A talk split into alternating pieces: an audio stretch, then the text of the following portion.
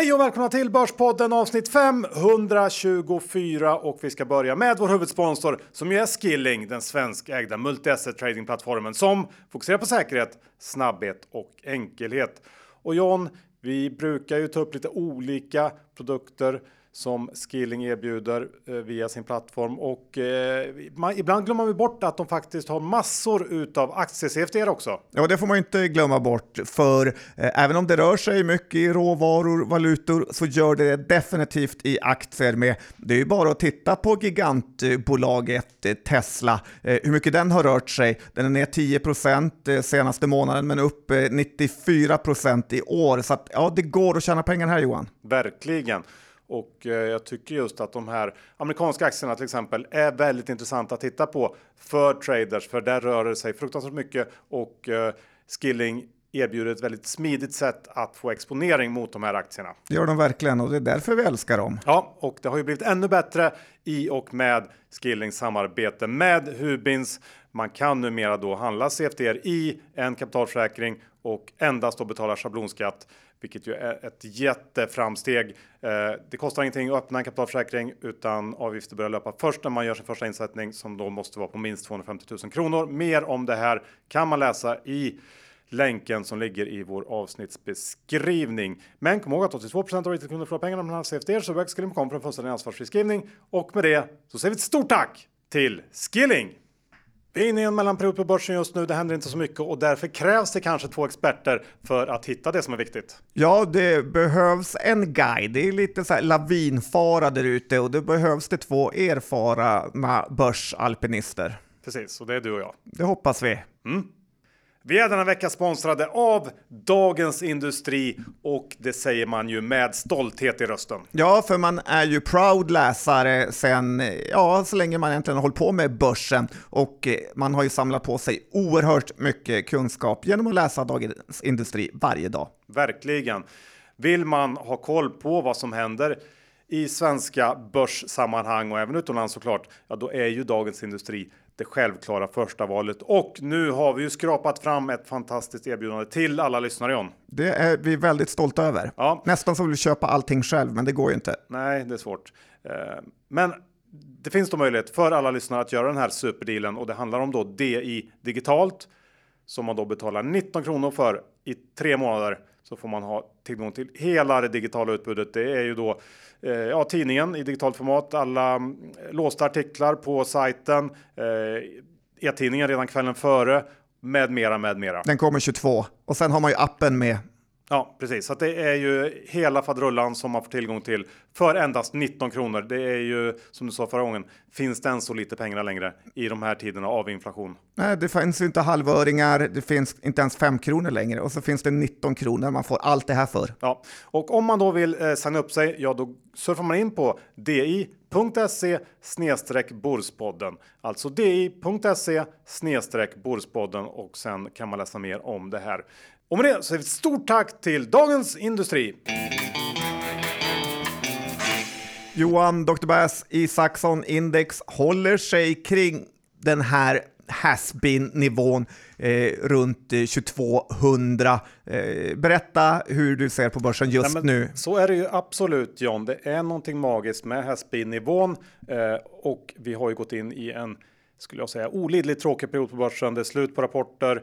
Eh, det känns väldigt avvaktande och segt där ute. Vi är också i den här fasen som kommer efter sommaren då man försöker pejla in lite grann var efterfrågan ska ta vägen egentligen. Folk är tillbaka nu från semestern och det är ju först nu som man kan börja få en känsla för läget i ekonomin. Om det ska vända upp eller fortsätta försvagas och det är den typen av signaler från bolagen som kommer vara högintressanta under den här kapitalmarknadsdagssäsongen som vi går in i nu. Ja, för det är ju verkligen den nyhetsfattigaste eh, perioden på börsen nu. Just de här sista Q2-orna är släppta och eh, det är innan eh, bolagen börjar vinstvarna, de som ska göra det. Och Q3 är väldigt långt bort. Man tycker att de, under de här andra årstiderna som vi har så har man ändå utdelningarna att se fram emot, eller kanske sommaren när man inte bryr sig så mycket om börsen, eller vintern med ett nytt år. Så att eh, egentligen är det en utmärkt tid att resa bort nu från börsen eh, kan jag tycka. Ja, eller satsa på något annat kanske. Ja, Som du gör. ja, men lite också så är det ju att man får ofta se att det är makro som brukar styra under sådana här perioder. Mm. Det är räntor, det är valutor, det är konflikter och annat. Och ofta är det ju sådana här saker som får en att oroa sig eh, och då brukar ju börsen gå ner och därför är den ju alltid, eller har varit historiskt svag under eh, september-oktober. Precis, en säsongsmässigt svag period. Väldigt. Sett. Ja. Så är det. Eh, du sprang medieruset igår.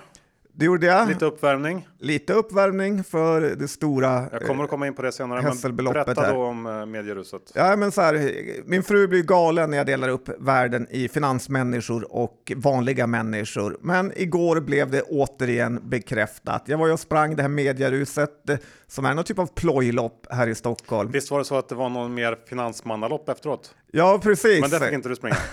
Nej, jag var anmäld på eh, journalistdelen, där mediaruset. Men det är ett lopp då som går runt eh, kring stadion och Liljansskogen, eh, där 3,8 kilometer.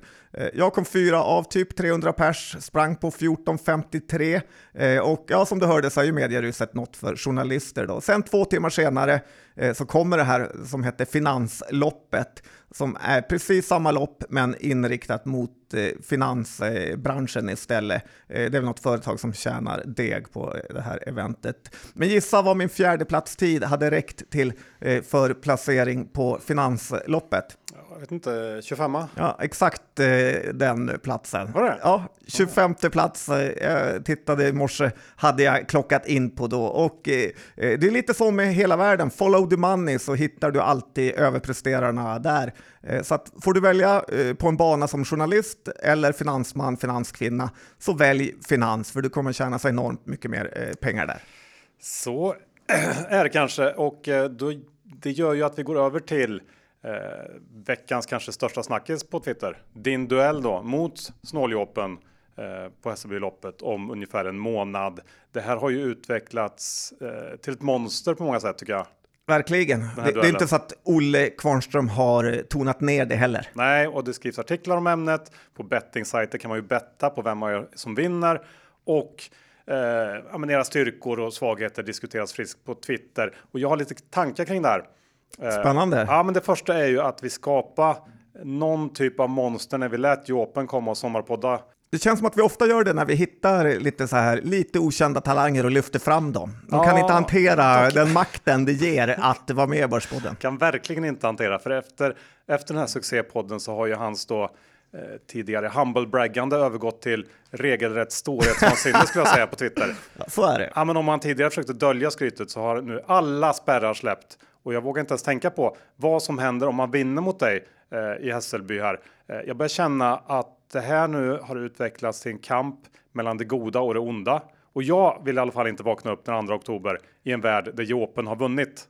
Uh, jag känner liksom... Mycket press du lägger på mig här. Ja, men jag, säger liksom, jag känner stor rädsla inför det. Och eftersom det är så mycket som står på spel så tänkte jag att vi kör en liten genomgång. Inför loppet här. Försöker, eh, jag ska försöka ranka er på lite olika kriterier. Så att, eh, vad säger du om det? Ja, men jag tycker det låter väldigt mm. intressant. Eh, skönt och hoppas jag har någon styrka i det här. Ja, vi börjar med det uppenbara. Det är vikten. Ja. Enorm fördel för Joppen. Kanske det faktiskt som talar mest till hans fördel. Snåljoppen väger alltså in på 65 kilo enligt de uppgifter jag har, vilket borde vara omöjligt för en vuxen man versus dig då som eh, ligger på mer stadiga 78 kilo. Ja, det här är ju vad är han skelettgjord av kan man undra. Ja, har han ens något? Ja, lite så. Ja, det... Nej, det är nästan ringa ätstörningsenheten på att ta in sondmata Olle. Ja, faktiskt. Och där så ligger ju du eh, minuter back innan ni ens börjat springa.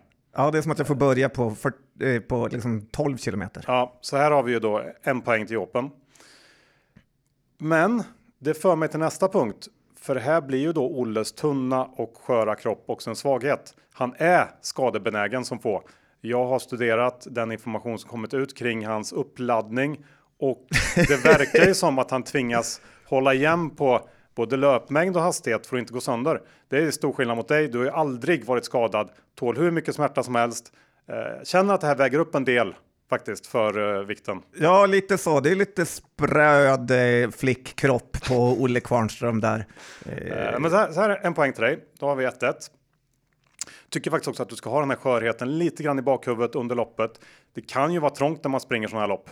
Det kan det. Ja, och så här, en liten, liten tackling behöver inte vara fel. Alltså inom rimlighetens gränser. Ja. Jag uppmanar inte till något, något uh, fusk. Men ja. Sen har vi psyket. Spännande. Och här har vi det som kanske mest talar för dig John. Trevligt. Det jag tror bettingbolagen underskattar ganska gravt. Alltså. För det här sniperpsyket som liksom mejslats ut under år av tradinghärvor och liksom allmän smärta. Ehm, det ska man inte underskatta samtidigt som att jag har en ganska stark känsla av att det kan låsa sig för snåljåpen när det väl gäller. Vad Tror du om den analysen? Ja, verkligen. Samtidigt känns det som att snåljåpen haft väldigt tuff eh, högstadieperiod och där byggdes det fram en hårdhet också. Ja, det har du en poäng i, men känner ändå 2-1 till dig där. Okej, bra. Psyket på min Och sida. sen har vi sista punkten då, och det är Ja. uppladdningen. Och här eh, har jag fått lite så här Rocky 4-känsla. och då tänker jag mer konceptuellt här. Man får ju bortse från fysik och Ja. annat. Ja, Det- ja. Och snåljåpen ser jag då mer som Ivan Drago. Han kör liksom med senaste teknologin, det är liksom statistik, grafer, stenhård kosthållning, allt är planerat ner till minsta detalj. Och du kör mer någon slags Rocky-style ut i skogen och rycker lite stockar och liksom, du kör lite hipp som happ. Ja, Det är inte någon liksom cutting edge teknologi som hjälper dig. och inte nolltolerans på sponken heller. Nej, inte helt genomarbetat kost och alkoholschema. Här måste man ju ge en solklar poäng till Olle, så är det ju. Ja, så är det faktiskt. Så då summerar man ihop det här så är det 2-2. Men så har jag en liten kicker Spännande. som faktiskt väger över. Övertid nu, straffar. Ja, och det är ju publikstödet. Det finns väldigt många die hard skogmanianer där ute, tror jag. Och jag hoppas ju att de ska komma och stötta dig längs banan nu när liksom hela världen står på spel. Så med den lilla fördelen så kommer jag ändå fram till att du tar det. Mm, tack Johan, mycket bra. Och jag är ju ett litet centrumbarn så att eh, får jag lite extra stöd så kan jag ju bäras fram på publikens axlar och sådär. Eh, Ja. Så att, ja, jag behöver allt stöd jag kan få. Ja. Så att, får vi se då. Vi, Och om någon av dem råkar när det är 100 meter kvar eh, överfalla Ja. Tour de France, eh, så, så kan det också hända. Inget med uppmana till. Nej, Nej. såklart inte. Men, Nej, men det blir kul. Jag hoppas att eh, fler är med och springer eh, och eh, kan snacka lite innan. jag tycker lite synd om Björn Rydell som också liksom var med i liksom upptakten till den här fighten också anmälde sig under sommarpoddarserien. Men honom är det ingen som vill betta kring. Nej, men han var med på medieruset igår och är redan uträknad. Ja, det är så. Det är typ så att eh, om jag, Olle är Red Bull-stallet i F1 och jag Ferrari så är han kanske, jag vet inte vad heter de här eh, riktigt, som knappt kommer i mål. Jag förstår. Vi byter Alfa Romeo-stallet. helt, ja, exakt. Vi byter helt eh, ämne och går över till en annan snackis i veckan och det är ju Montrose by Carnegie. Ja, vad säger du om det? Känns som att eh, de redan har gått bort sig, Avanza, av hopparna med det här namnet. Montrose är då byn som den här gubben Carnegie kom ifrån på gamla goda Ja, i det. Skottland. Ja, Jag försökte googla Montrose men jag liksom hittade inget vettigt. Okej, det har stått i alla artiklar, så Aha. eh, inte jätteimponerande. De är ju rånöjda med det namnet. Ja. Vad tänkte du att det var? Nej, men jag visste inte. Jag hade aldrig liksom... vad du, vad Nej, fick du noll- fram när du googlade? Ingenting? Det fanns någon sån här ort i typ eh, Gästrikland som hette, eller något ställe som hette Montrose. Okej, tänkte du på det?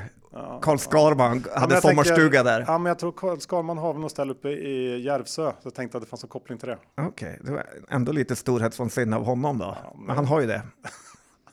Eller? Nej, men, nej, ja, det vet jag inte. Men, men eh, okej. Vi- nej, nej men vad säger du om namnet? 1 till 5. Du gillar ju betyg. Jag tycker ändå att det är lite krispigt. Jag gillar det ju så.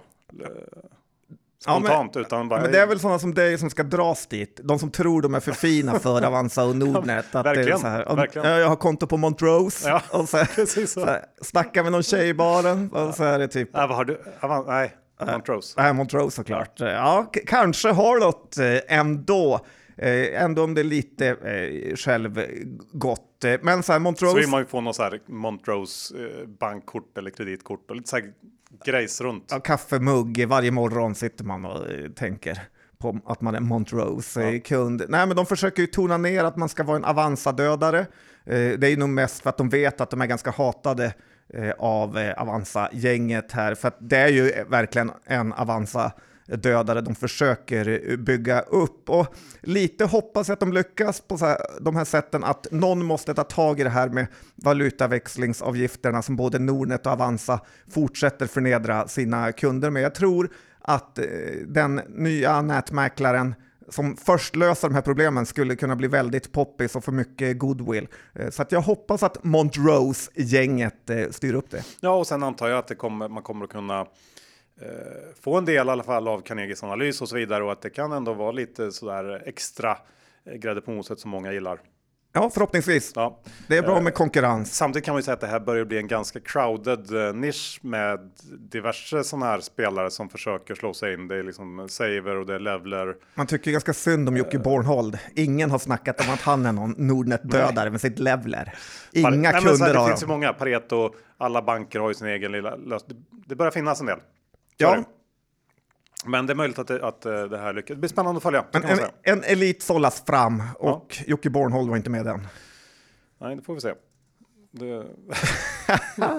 Han var inte det Johan. När vi är ändå inne på den här typen av eh, män. Ja, vilken så, typ av män?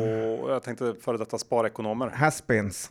Eh, så vill du kanske eh, säga någonting? Om En annan före detta sparekonom. Ja, för lite är ju den här lågkonjunkturen vi har i Sverige eh, och eh, som har gjort att eh, drabbat Sverige så hårt. Det är ju för att nästan alla svenskar har rörlig ränta, vilket är helt unikt i världen. Och ja, man skulle kunna säga att det är Claes Hembergs fel.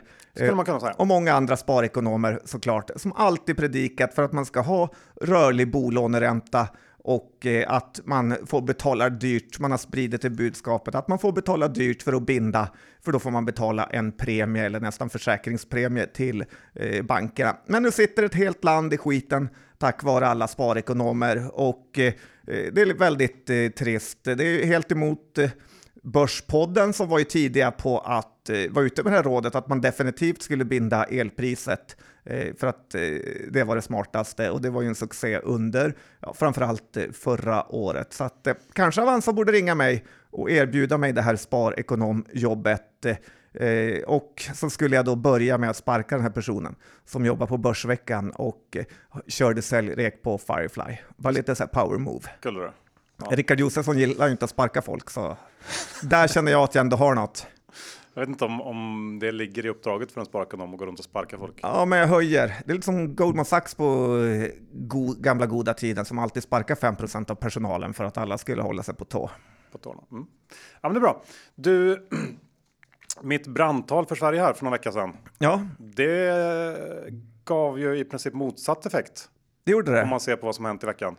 Det är inte framgångskänsla i det här lilla landet Nej, nu. men om du vet, eh, jag tänker ju då på det som regeringen gick ut med att man inte kommer att höja gränsen för när man börjar betala statlig inkomstskatt i takt med inflationen som man vanligtvis gör, utan istället låter man ligga kvar på samma nivå som tidigare, vilket innebär då att drygt 300 000 fler människor kommer att få betala statlig inkomstskatt nästa år.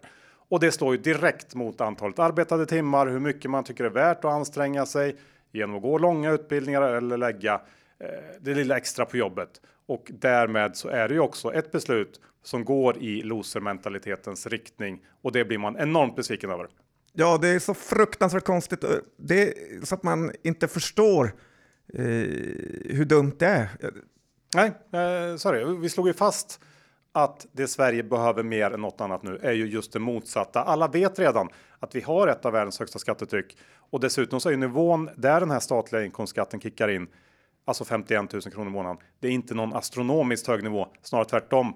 Eh, så att jag tycker att det här är ett väldigt tråkigt beslut och inte minst då signalvärdet av det här att det inte ska löna sig att anstränga sig mer. Nej, och när de pratar om det här med att man ska löneväxla nu, hur det lönar sig och till och med löneväxla så att man eh, byter eh, bort Eh, tid, alltså att man är ledig istället för att jobba. Det är så otroligt dåligt för samhället eh, när det blir så här. Men jag förstår verkligen folk som inte orkar jobba när man eh, får skatta så mycket och det är mycket, mycket bättre då att hålla på med investeringar än att jobba. Men det är jobb som bygger landet. Så återigen, fruktansvärt dumt. Och en sak till, när jag ska bli förbannad när jag pratar om det här, är ju att vad ska man rösta på för att få en högerregering, som så många har sagt, om de gör så här. Ta bort Systembolaget och styr upp det här nu.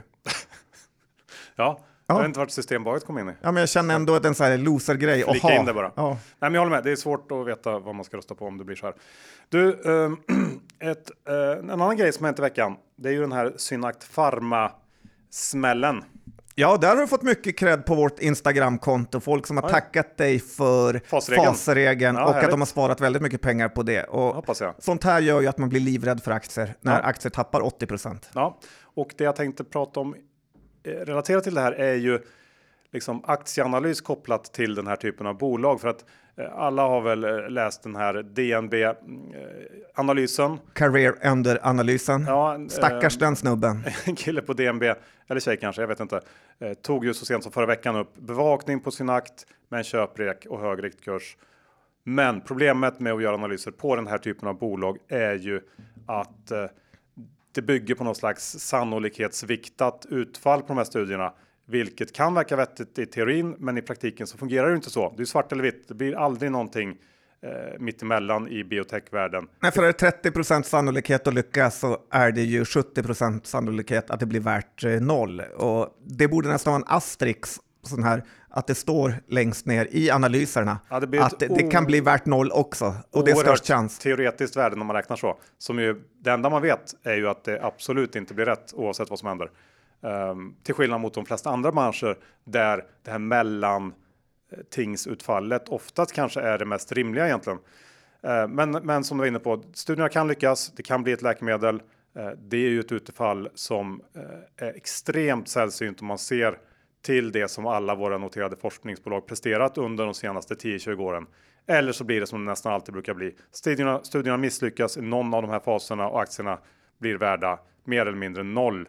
Eh, så att eh, det innebär ju att den här typen av analyser ska man vara extremt försiktig med. Eh, och eh, inte lägga särskilt mycket vikt vid tycker jag. Nej, nästan ingenting. Nej. Utan ta ett bett som en lottsedel. Ja. Vi avslutar första delen John med Sveriges dyraste gata. Ja, den här eh, rimmar väldigt väl med, med vad du just eh, sa. Vet du vilken Sveriges dyraste gata är? Eh, Ja, men det är väl någon sån här Strandvägen eller något. Ja, jag tänkte att du skulle säga det. Riktig level 1-tänk som nog många av lyssnarna också eh, tänkte. Eh, men den absolut dyraste gatan i Sverige är Skelevägen i Lund. Den ligger vid Ideon Park och alla som jobbar längs den vägen borde börja betala artistskatt. Och då menar jag inte den här lägre skatten eh, som artister har, utan snarare en scam-artistskatt för att ersätta alla småsparare som de har lurat genom åren. Eh, du pratade om Synak Pharma. Ja. Vart tror du de har sitt huvudkontor? Ja, det är. Skelevägen. Ja. Eh, sen har vi ju Vägg of Lund. Ja, check, de har kontor på Skelevägen. Immunovia, ja, tackar som frågar. Glycorex, Bioinvent, jajebox. Check. Det är kontor på Skelevägen. Eh, och det är nästan så att man skulle vilja se att insatsstyrkan åkte dit och bara drog ut eh, white collar artist vdar eh, till bilarna och bura in dem, hur de skrek när de... Eh, att, här, nu räcker det, står folket och skriker. Och sen gör man ett monument över hela Skelevägen och sen som typ över Estonia så häller man eh, 2 miljarder ton cement över hela Ideon Park och så kan man gå runt och besöka det i framtiden och eh, säga att det här aldrig någonsin får hända igen. Here, here! Rösta BP-partiet! Vi är den vecka sponsrad av Kliens kapitalförvaltning som förvaltar totalt åtta fonder varav fyra svenska aktiefonder som då tillsammans täcker hela spektrat av den svenska börsen. Och John, idag tänkte jag slå ett litet slag för en personlig favorit. Det är Klients globala småbolagsfond som är upp hela 18% i år, vilket ju är en fantastisk utveckling. Ja, det Niklas Larsson eh, som förvaltar den har gjort är ju väldigt, väldigt imponerande. Det här är en kille som brinner för aktier. Han letar dem jorden runt eh, för att hitta de allra, allra bästa och så stoppar han in dem i sin fond och ja, då blir det så här bra avkastning. Ja, och vi tycker ju att man ska surfa in på Klients hemsida klients.se och signa upp sig på deras månadsbrev. Varför då? Ja, det är en ny månad. Man får ta del av de här briljanta fondförvaltarnas eh, tankar och idéer och de berättar hur månaden har utvecklats. Precis. Och hur gör man då om man vill köpa klientsfonder? Då går man in på Avanza eller Nordnet. De finns ju såklart också hos prispressaren Saver. Ja, och det går också utmärkt att köpa fonden direkt hos klients i deras egna ISK-lösning på klients.se. Men kom ihåg att eh, historisk avkastning är en garanti för framtida avkastning. Pengar som placeras i fonder kan både öka och minska i värde och det är inte säkert att du får tillbaka hela det insatta kapitalet. Och med det så säger vi ett stort tack till Klients kapitalförvaltning. Vi är den vecka sponsrade av SaveLend som ger dig stabil avkastning utan tur och timing genom då att investera i räntor och det här gillar vi John. Det gör vi verkligen. Vi har ju minst en halv miljon hos eh, SaveLend nu som vi fick via vår Lendify-överföring och det är vi väldigt glada att ha. Ja, och det är vi delvis för att SaveLend fortsätter att leverera positiv avkastning till spararna månad efter månad. Det är faktiskt så att ingen månad med negativ avkastning har dykt upp sedan 2016. Ja, men det är precis det här eh, som gör att man vill spara i något annat än börsen där avkastningen varierar mycket, mycket mer. Då är det väldigt härligt att ha SaveLend där man får en stabil avkastning över tid. Ja, och det här har ju spararna upptäckt.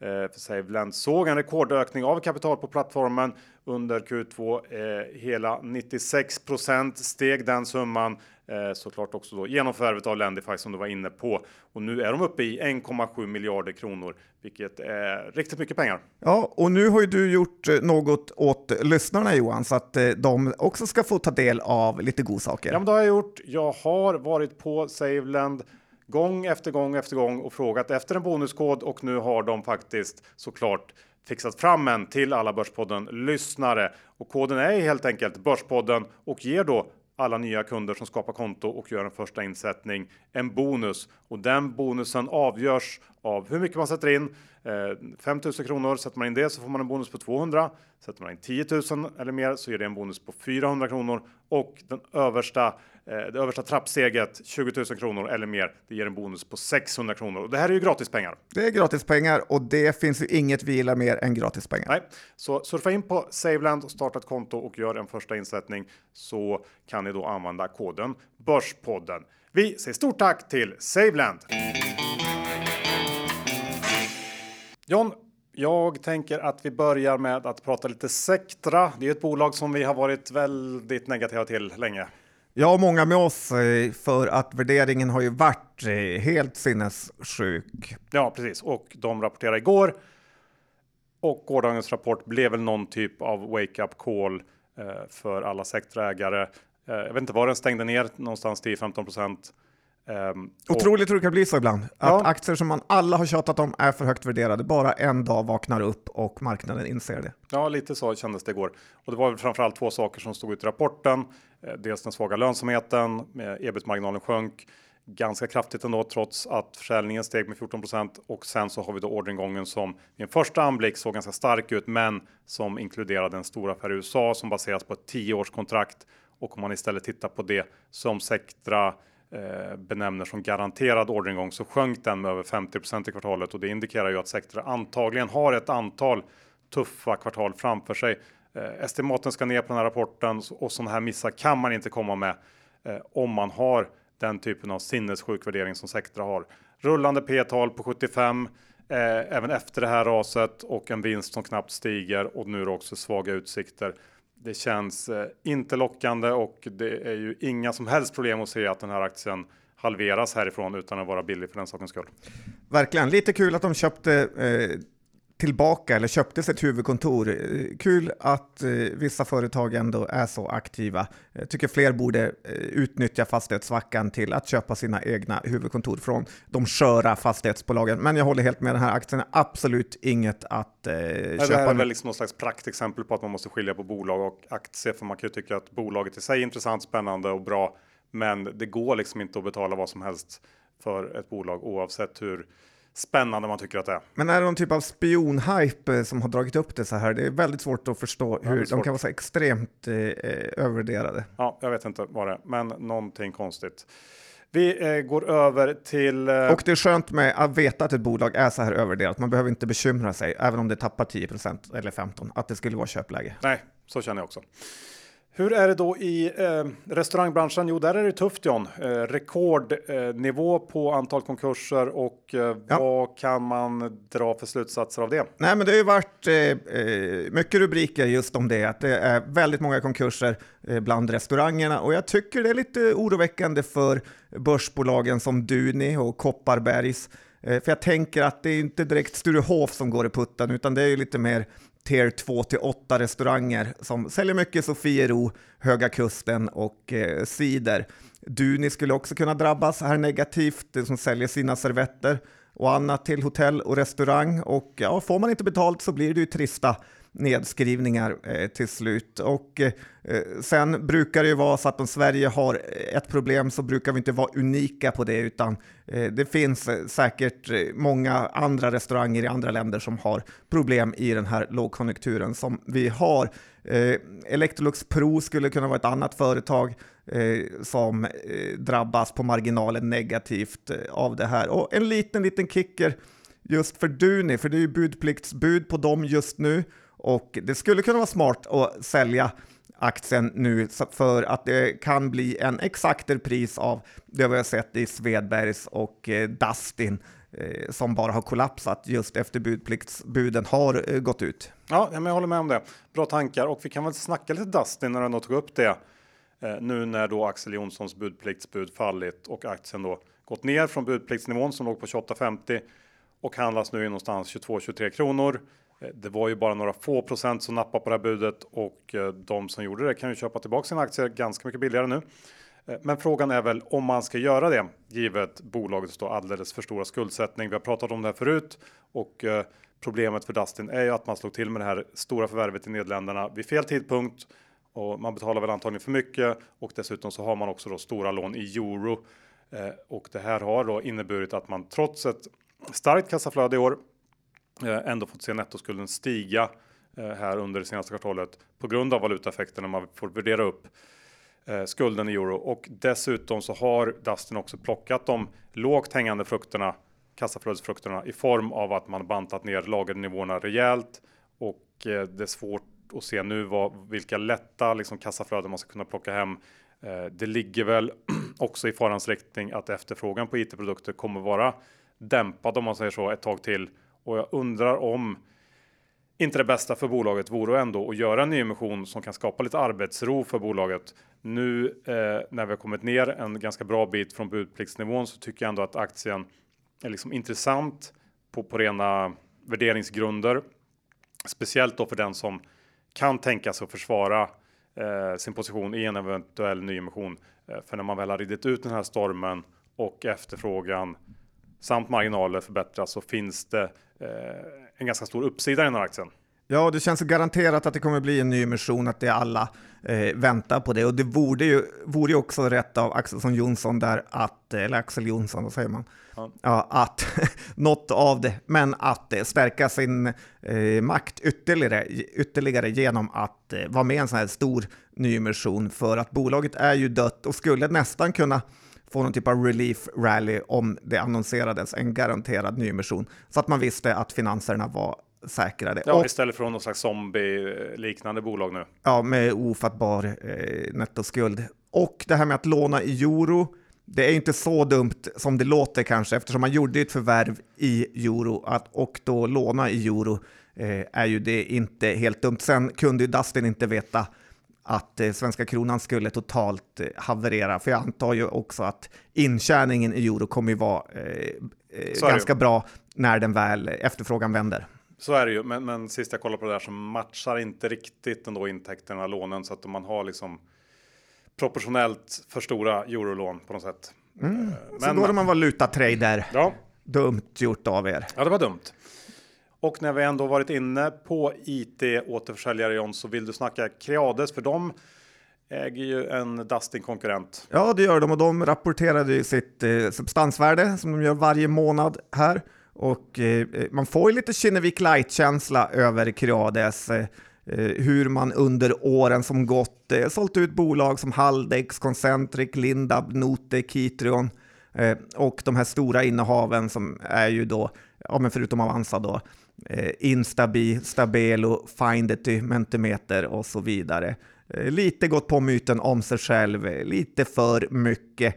Eh, men ett innehav som jag undrar eh, eh, hur det verkligen går, det är ju det här iNet som Creades äger, som är väl en konkurrent får man ändå säga till Dustin och i viss mån också kanske Kjell Company med att sälja massa sladdar och så vidare. Det känns som det här bolaget kan ha stött på patrull ett år som detta Eh, och, och gå väldigt mycket sämre än det har gjort eh, tidigare. För det är ändå ett av Creades större onoterade innehav. I grunden spelar nog det inte jätte, jättestor roll då det ändå är Avanza eh, som är 40 procent av Creades substansvärde.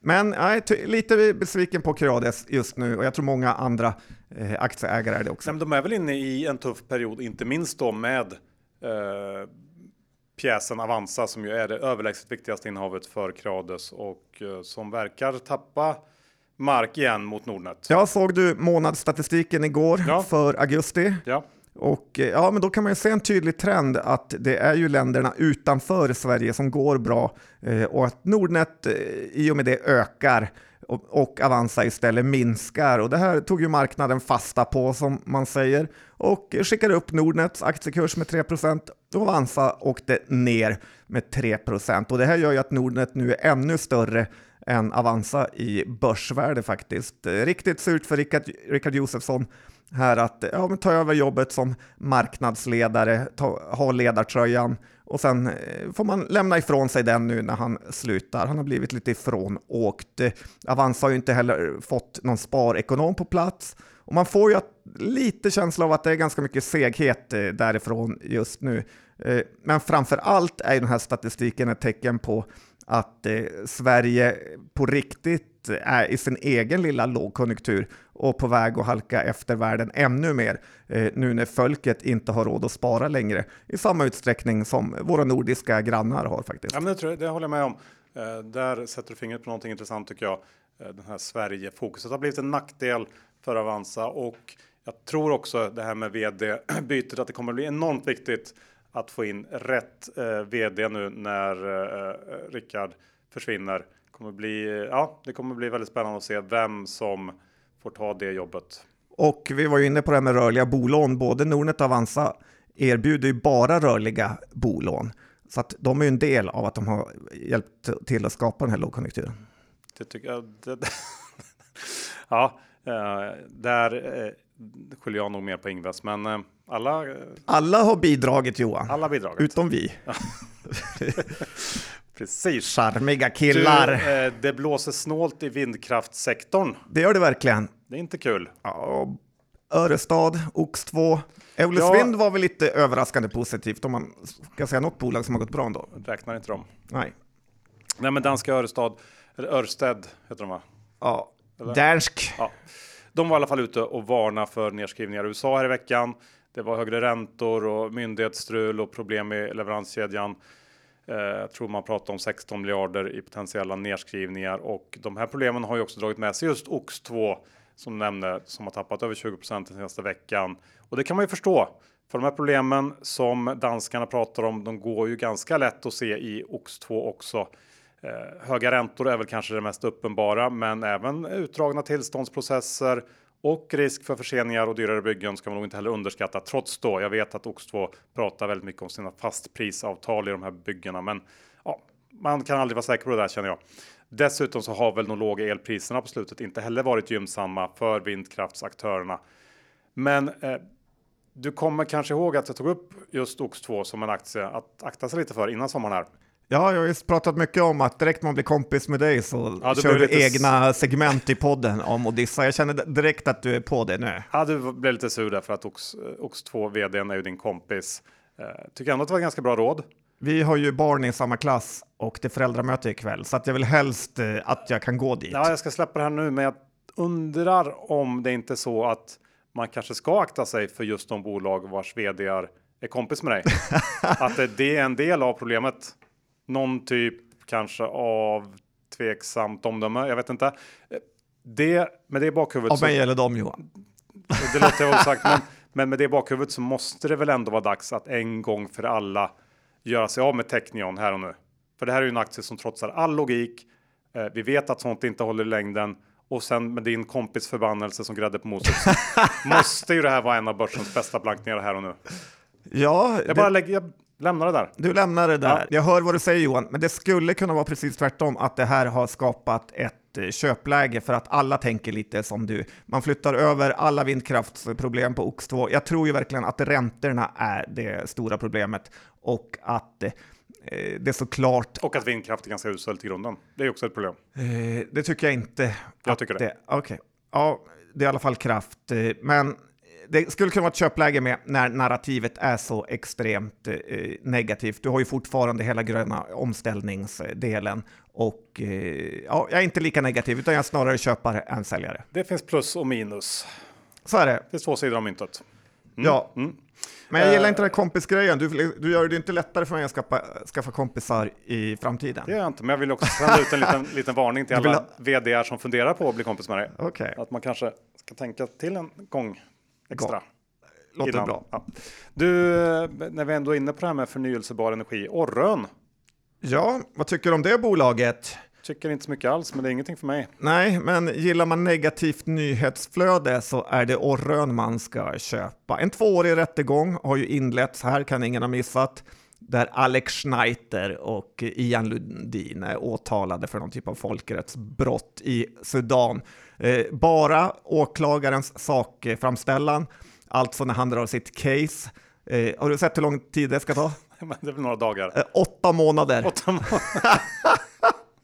Alltså det här landets förfall är ju så sinnessjukt. Okej. Alltså åtta månader ska han sitta och mata på och visa bilder från Sudan. Då har Ja, man ändå jobbat en del med caset. han har jobbat i 14 år med det här caset, så att nu... nej, men det, nej, det är knappt så att man tror att det är sant. Det, hade ju varit mycket bättre som USA att bara säga att det här kostar er 5 miljarder.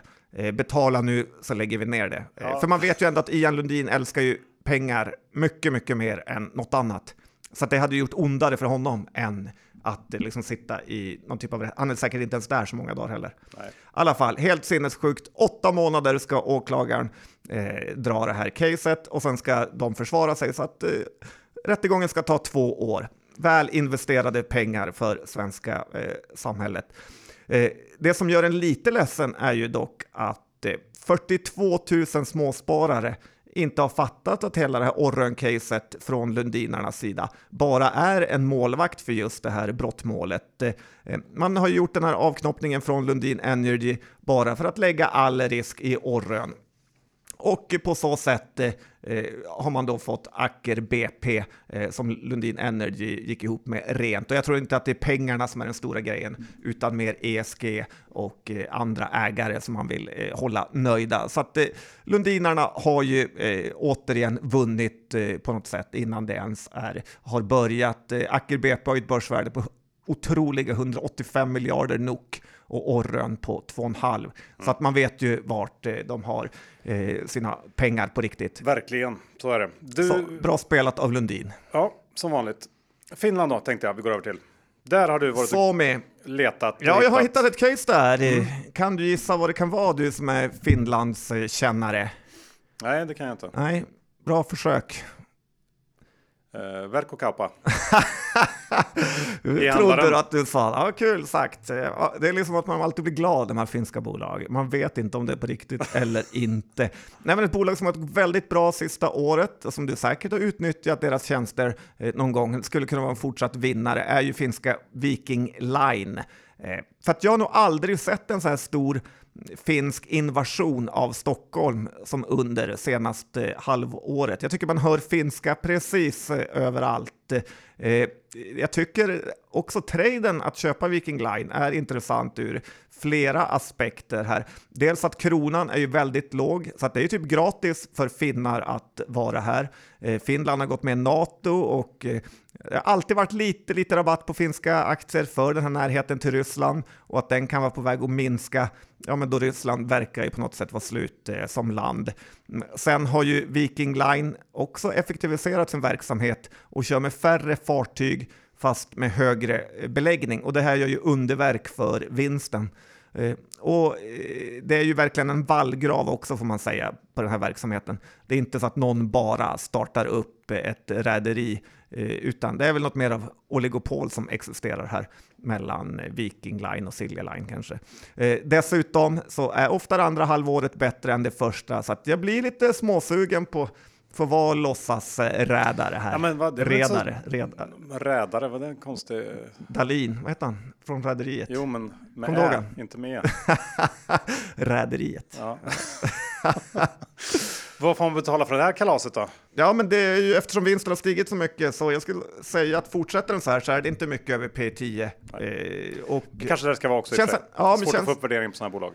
ja, men känns ändå härligare än typ Gotlandsbolaget för att man känner att man gör något dåligt genom att eh, det- bidra till deras skattefusk. Håller jag med om. Eh, ja, men intressant. Eh, ska kolla på det. Ska vi eh, kanske bara avsluta med Klasse som kom med dundersiffror här på morgonen? Ja, väldigt kul att det Ja. går att göra turnarounds. Grattis till nya vdn. Ja, och man hade kanske det här lite på känn eh, efter de senaste månadernas väldigt starka försäljningssiffror. Det är uppenbart att eh, Clas Ohlson ligger rätt sortimentsmässigt och bra tryck i försäljningen trots då all motvind för konsumenten. Eh, dessutom så har man ju varit väldigt duktig på att hålla i kostnaderna eh, och genomfört stora besparingar. Till exempel såg jag att 25% av alla tjänstemän har kapats bort och eh, sånt gillar man tycker jag. Eh, I Q1 så överraskar bruttomarginalen positivt. Man måste säga att då, som du var inne på, Kristoffer Tonström, vdn, har gjort ett riktigt bra jobb. Och som vi har sagt tidigare så ser, eh, tycker jag i alla fall, Klasse ut att vara väldigt bra positionerad nu och bör kunna få en fin utväxling på allt det här arbetet när motvinden i ekonomin mojnar lite grann. Så att jag tycker ändå att eh, de gör det de ska. Ja, en av mina absolut mest framgångsrika kompisar, som, ja, det är ju inte värt mycket för dig, men för mig är det det Johan, har eh, jobbat på McKinsey och lite överallt. Han har blivit rekryterad till Clas Ohlson, så att eh, jag tycker de verkar ha eh, steppat upp sin personalrekrytering med. Eh, så eh, är jag småsugen på ägare faktiskt nu. Slut på avsnitt 524. Vi säger stort tack till vår huvudsponsor som ju är Skilling, den svenskägda multi-asset tradingplattformen som fokuserar på säkerhet, snabbhet och enkelhet. Och John, hur gör man om man inte öppnat ett konto än? Man laddar ju såklart ner appen eller går in på deras hemsida skilling.com. Ja, och behöver man hjälp med något så har de en svensk kundtjänst. Men kom ihåg att 82% av retailkunder förlorar pengarna när man har CFD så skilling.com för att få sin ansvarig riskskrivning. John, hur är det med innehavsredovisningen eh, idag? Känns inte som att det är så mycket man äger av det här. Jag har nog ingenting. Nej, jag nämnde Firefly lite, lite kort, så de har jag ju. I övrigt så har jag inget av eh, de här bolagen. Bra. Tack för att du lyssnade. Vi hörs om en vecka igen. Hej då! Ha det bra! Hej då!